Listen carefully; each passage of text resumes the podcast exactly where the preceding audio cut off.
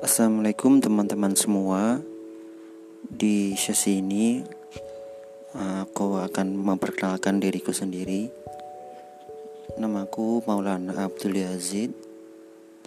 Aku lahir di Kalimantan Selatan. Tujuanku untuk membuat podcast ini adalah Bagi kalian yang ingin menambah wawasan Tetapi wawasan tersebut sebenarnya ada di buku-buku yang ada di sekitar kita. Tetapi kalian mungkin ya, malas untuk membacanya. Dari itu dengan adanya podcast ini kalian hanya mendengarkan saja bisa sambil dengan rebahan dan lain sebagainya. Dan mudah-mudahan dengan adanya podcast ini bisa menambah wawasan kalian sehingga kalian bisa memiliki ilmu yang banyak.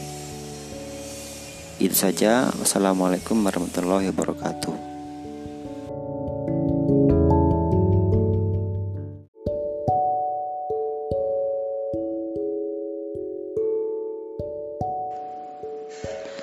Assalamualaikum teman-teman semua. Di kali ini kita akan baca yaitu tentang sebuah buku yang berjudul Izinkan Aku Menghalalkanmu yang yang bab pertama adalah jangan sibuk mencari, tapi sibuklah menjadi. Ingatlah, sebab Tuhan akan mempertemukan mereka yang sama-sama memperbaiki diri. Umumnya, kita saat ini terlalu sibuk mencari jodoh ke sana kemari sesuai dengan kriteria. Mencari yang cantik, rajin ibadah, tekun mengaji, cerdas, mandiri, ramah, berbakti, murah senyum, dan seterusnya. Tapi kenyataannya, mencari yang sesempurna itu sungguh langka. Di era saat ini, mencari minimal yang soleh saja, susahnya minta ampun. Andai kap, andaikan pun ada satu di antara jutaan orang, itu pun belum tentu mau dengan kita. Pertanyaannya, Kenapa tidak dibalik? Daripada sibuk mencari, kenapa tidak sibuk menjadi? Pahamilah, kita tidak punya kuasa pada orang lain, tapi kita punya kuasa merubah diri kita sendiri. Merubah seperti apa yang kita harapkan. Jangan duduk diam menunggu yang terbaik datang, tapi sibuklah memperbaiki diri karena yang baik pasti untuk yang terbaik. Jangan sibuk mencari yang terbaik, tapi sibuklah menjadi hamba yang terbaik. Kadang, saking sibuknya mencari, sampai-sampai melupakan diri sendiri. Kita kadang lupa untuk sekedar mengurusi diri sendiri agar menjadi sosok yang lebih baik. Bahkan, kadang juga kita lupa untuk sekedar memperbaiki dalam hati. Maka sebab itulah, daripada sibuk mencari, sibuk mengimpikan seseorang yang baik dari segala sisi, lebih baik kita sibukkan diri untuk memperbaiki sisi-sisi yang ada pada diri kita.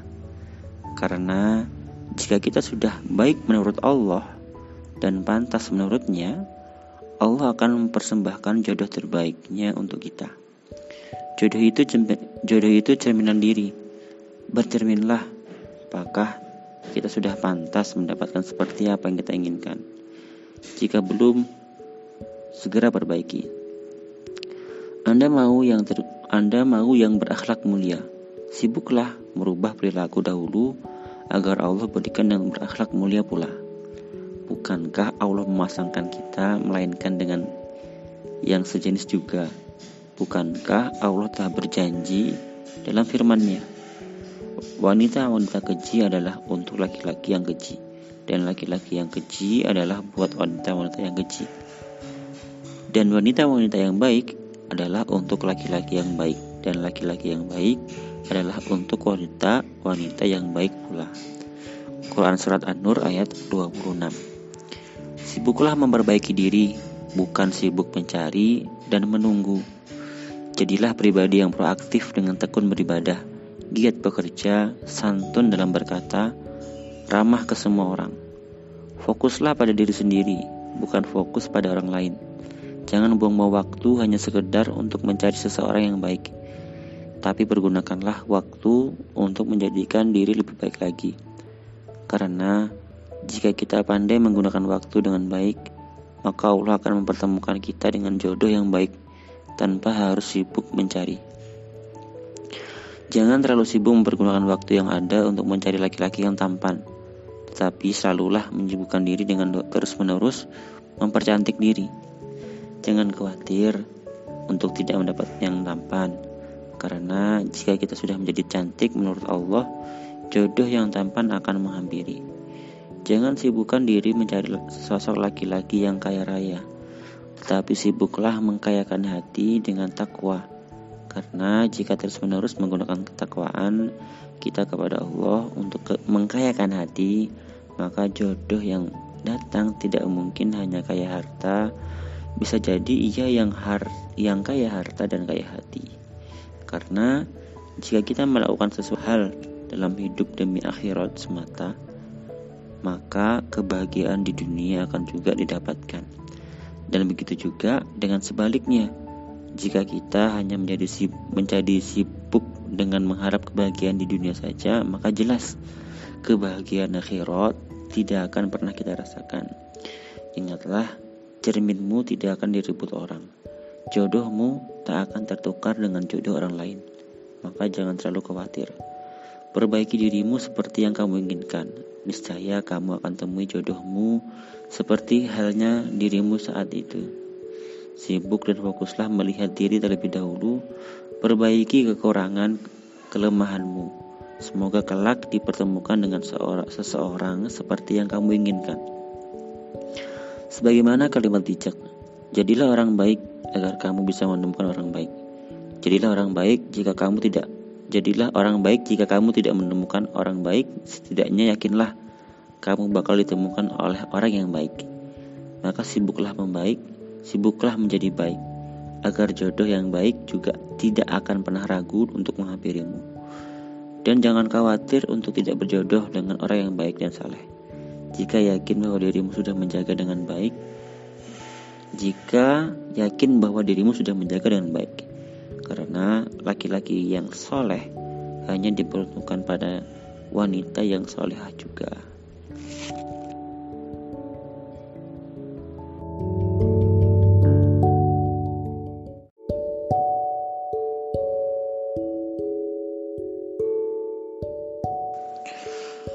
Assalamualaikum sahabat dengar buku Di chapter 2 ini Aku akan bacakan tentang tentang buku yaitu jodoh izinkan aku menghalalkanmu dengan chapter 2 yaitu yang berjudul jodoh datang di saat yang tepat Ku tak akan pernah bisa tahu siapa yang nanti Allah qadar untukku. Yang ku tahu ketika aku bisa menjaga dan terus berdoa, Allah pasti akan buatku bahagia. Goresan pena. Percuma apabila kekasih dihadirkan sekarang, tapi nikahnya masih lama. Rugi jodoh didatangkan sekarang, tapi hanya menambah dosa di hadapan Allah. Ingatlah, jodoh yang baik itu adalah jodoh yang datang di saat yang tepat, di saat kita siap untuk menghalalkannya. Dan jika saat ini masih berstatus jomblo, itu bisa jadi cara Allah menyelamatkan diri kita dari dosa dan maksiat. Hal ini yang patut kita syukuri, bukan untuk kita gundahi. Banyak yang memilih pacaran sejak awal karena takut tak tak kebagian jodoh. Di, diikat bertahun-tahun agar si dia bisa menjadi bagian hidupnya kelak. Namun, perlu kita pahami, Allah lah yang memegang hati manusia. Dia bisa menjadikan sesuatu yang bersatu, tapi juga berpisah. Banyak banyak contoh di sekitar kita, pacaran yang bertahun-tahun ujung-ujungnya putus. Sebaliknya, ada yang baru bertemu, diistikhorohi, dan akhirnya menikah. Nah, Sedekat apa pun hubungan yang dibangun saat ini, kalau bukan jodoh, pasti nanti akan terpisah juga. Sejauh apa pun jarak tem tembok pembatas saat ini, kalau memang jodoh, di nanti bakal keduga. Itulah jodoh. Janganlah merusak keberkahan pernikahan kelak dengan hubungan yang tak dihalalkan.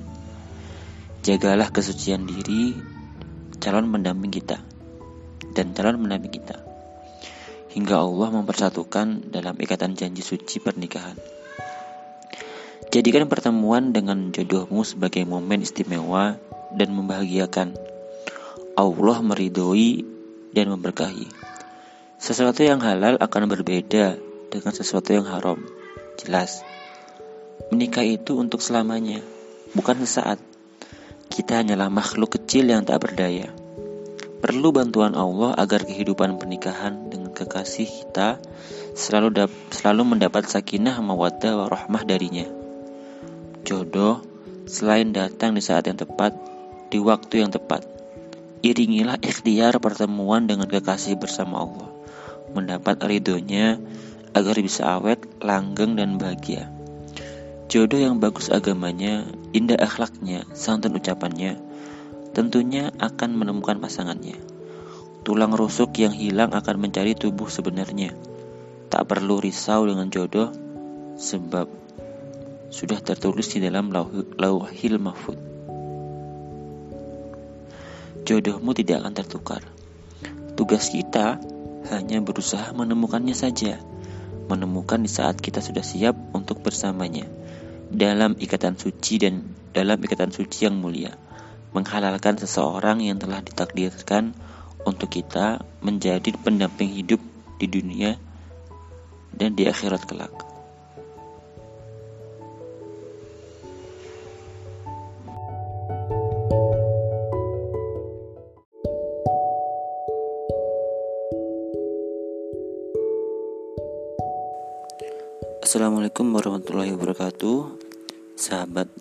Buku Di podcast episode episode Kali ini kita akan melanjutkan yaitu chapter 3 yang berjudul Jadilah cover buku yang baik.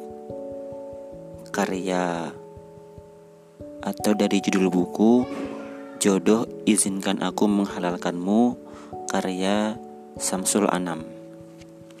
Baiklah, kita mulai. Memang tolak ukur dalam memilih pasangan adalah bagus agama, kesolehan, dan akhlaknya. Tentu tidak pantas mengabaikan covernya.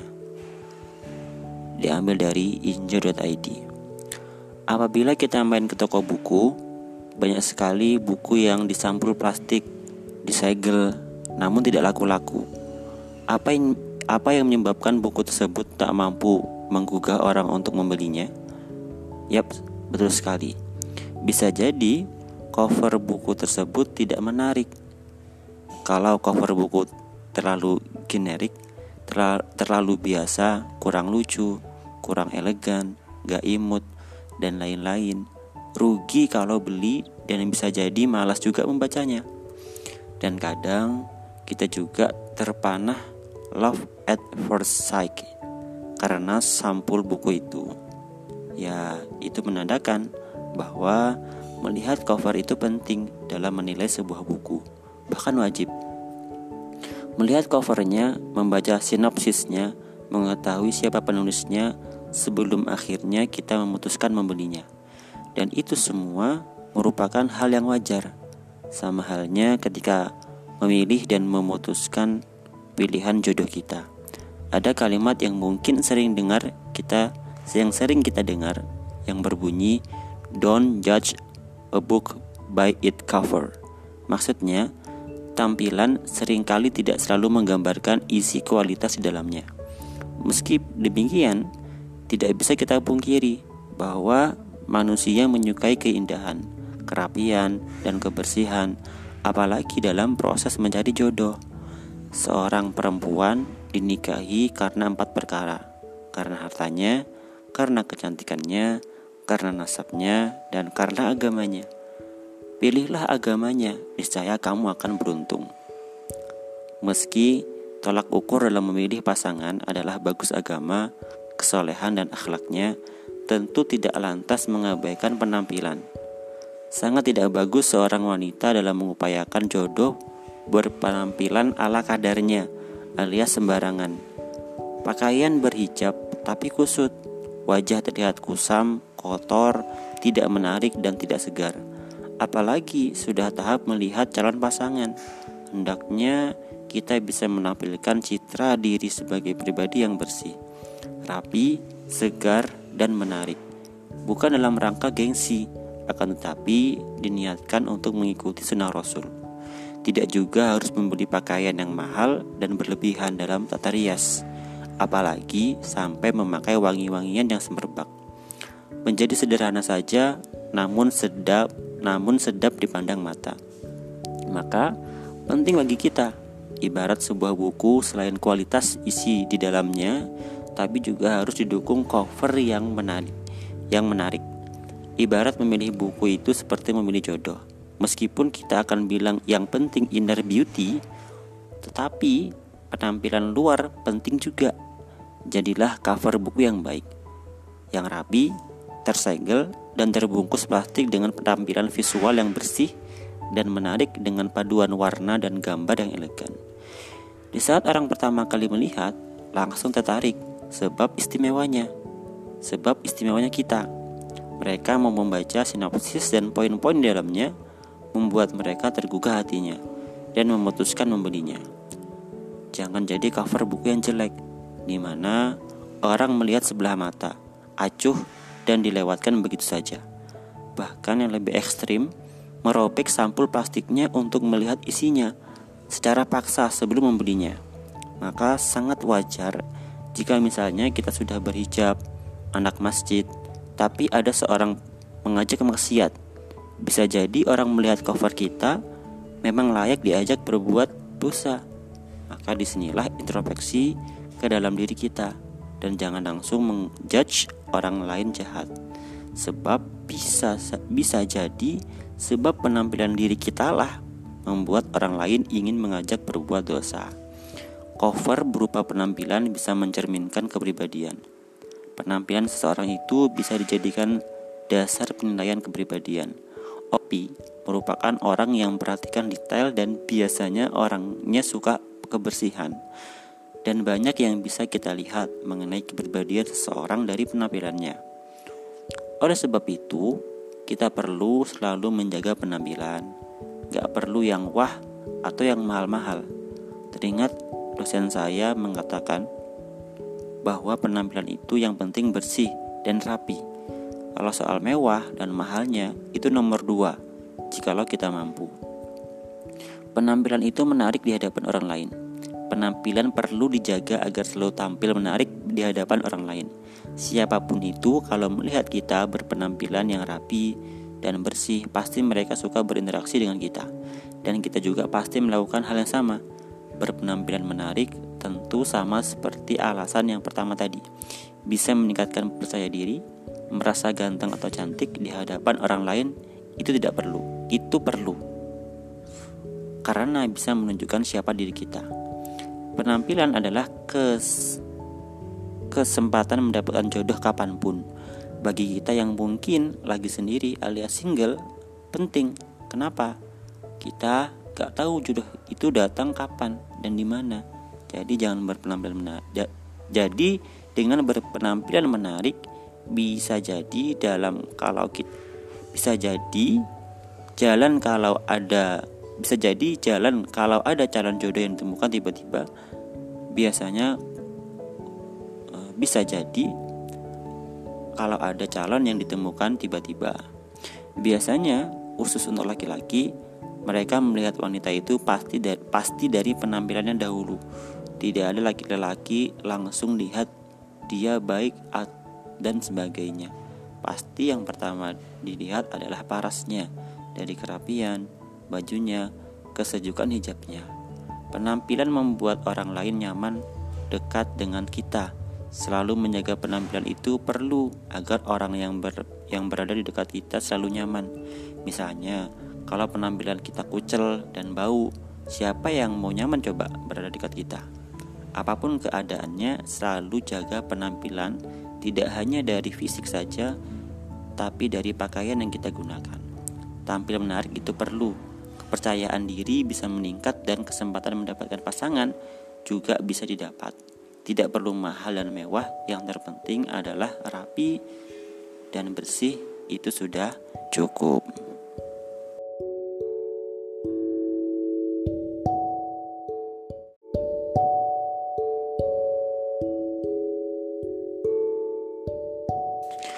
Assalamualaikum warahmatullahi wabarakatuh. Kembali lagi Wahai sahabat dengar buku Kita akan melanjutkan pembahasan selanjutnya Yaitu tentang bab Allah menjodohkan kualitas. Jodoh bukanlah tentang siapa dia Tapi bagaimana aku.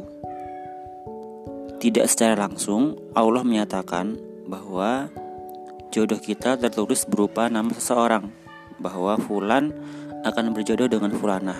Itu tidak. Bicara tentang jodoh, beberapa dari kita juga ramai membicarakan tentang memperbaiki kualitas diri tanpa tahu apa yang mendasarinya. Bermodal yakin pada sebuah janji Allah dalam Quran surat An-Nur ayat 26 bahwa perempuan baik akan berjodoh dengan laki-laki yang baik dan sebaliknya.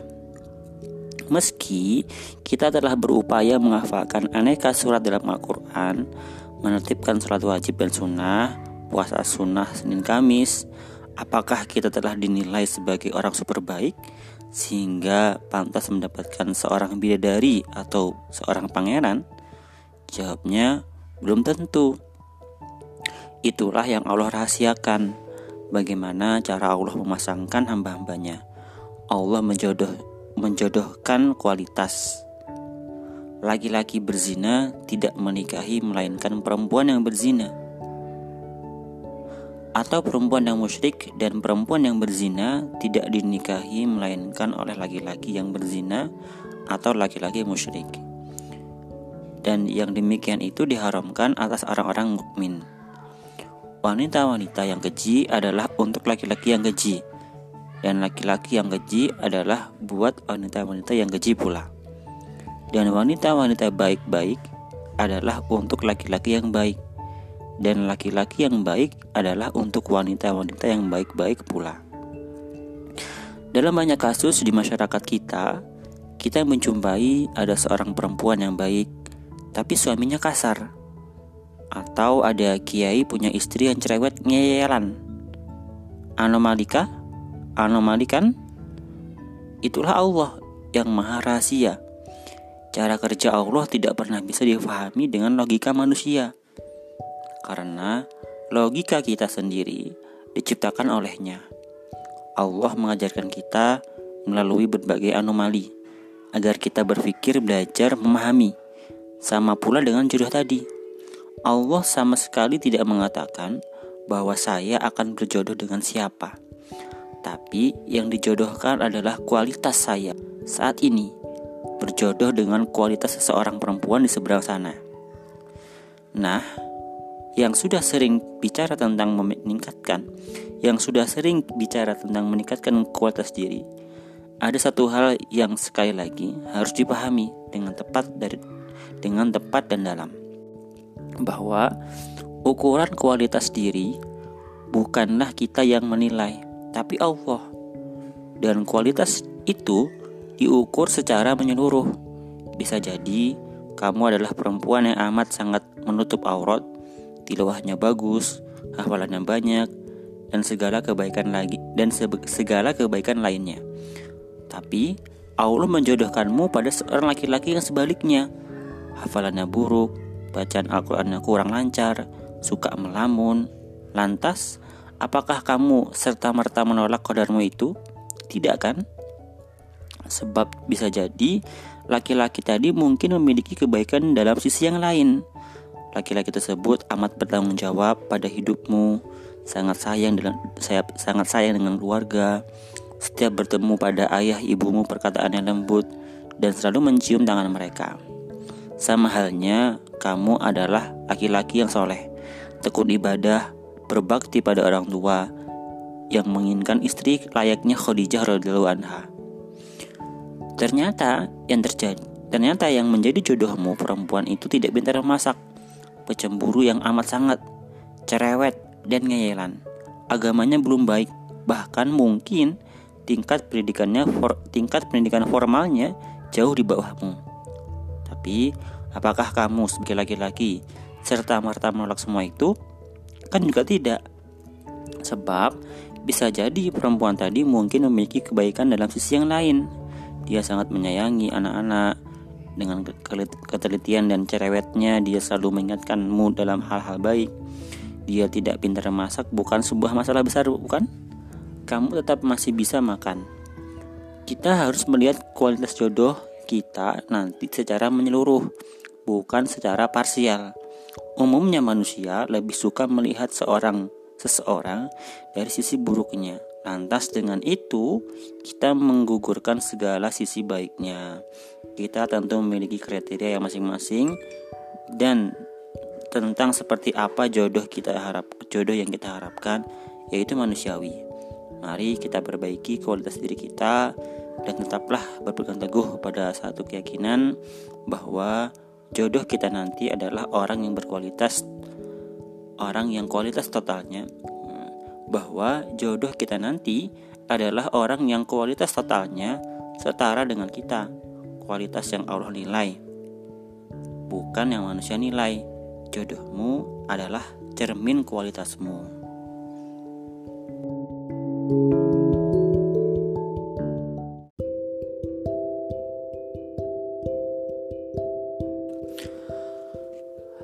Assalamualaikum warahmatullahi wabarakatuh. Teman-teman sahabat dengar buku semuanya Pada podcast kali ini Pada episode kali ini. Uh, Kita akan lanjutkan yaitu tentang Bab pilihlah yang kamu butuhkan. Mari kita simak dengan baik uh, Agar yang disampaikan nanti Bisa betul-betul membawa kita pada kebaikan Hidup itu sederhana saja. Lihatlah kemampuan dengan kebutuhan kita. Udah, selesai. Memilih jodoh itu ibarat memilih baju di toko. Ada yang cocok harga, tidak pasti pakai.